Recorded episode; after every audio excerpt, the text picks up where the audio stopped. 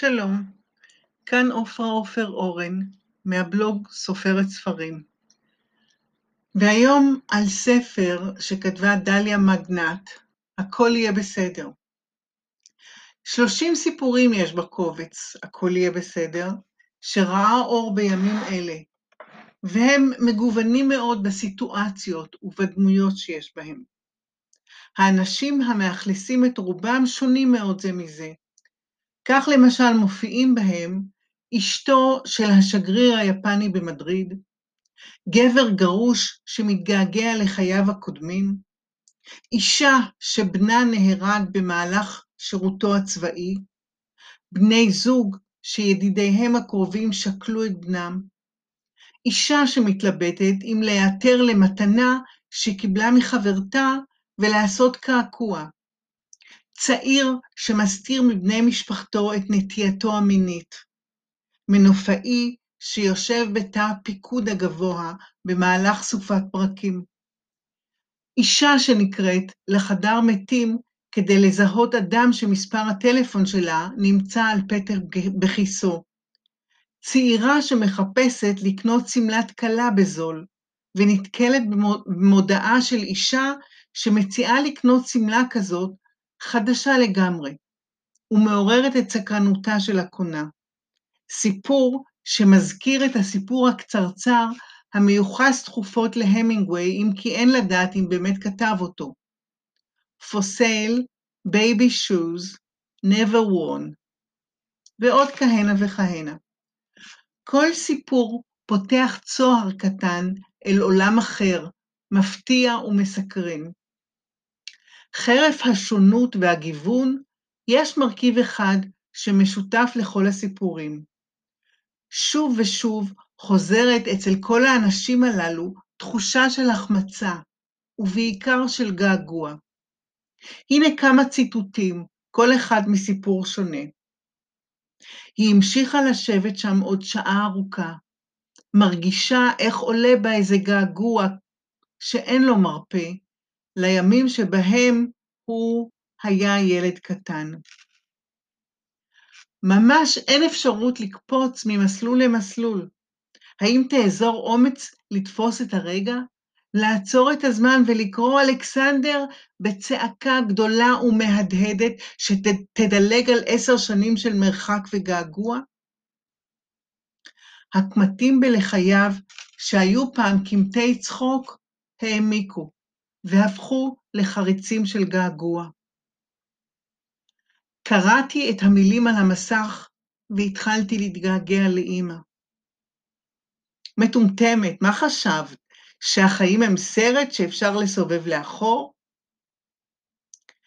כשהתוכנית התבהרה לה, נסעה לבית הקברות והניחה זר רענן וצבעוני של חרציות על קברו של אביה, שבזמן האחרון התגעגעה אליו מאוד.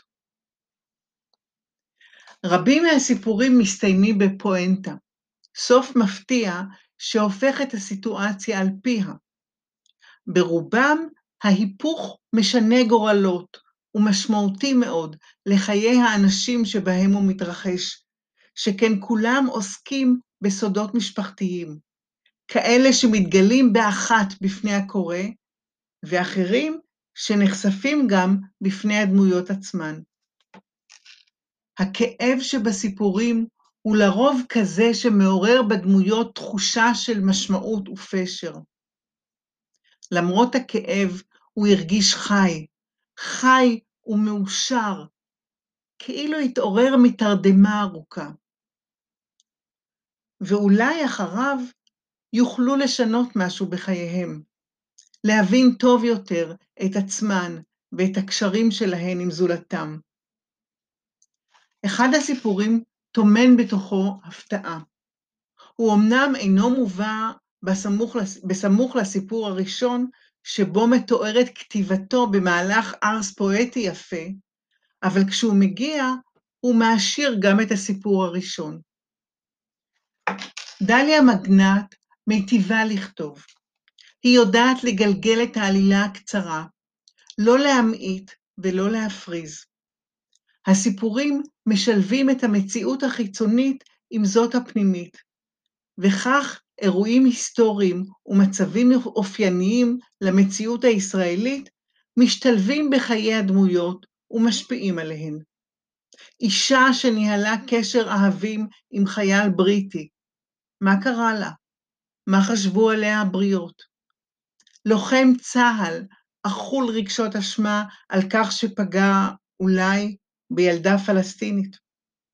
ישראלים שנוצר קשר בינם לבין מהגרי העבודה שרבים מהם כל כך מגיעים לכאן בשנים האחרונות. ההשפעה שיש להדחה מקורס טיס של חיל האוויר על צעיר ישראלי.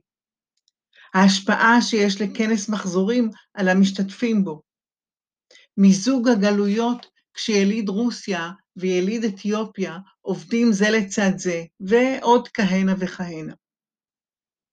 האם הכל יהיה בסדר, כפי שכותרתו של הספר מבטיחה? כמובן שלא.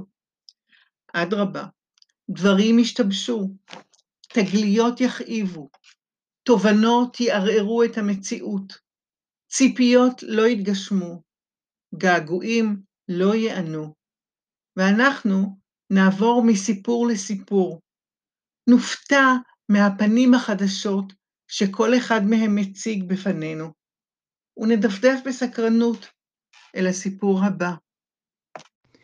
עד כאן מעופרה עופר אורן, מהבלוג סופרת ספרים. אשמח לשמוע תגובות מכם. להשתמע.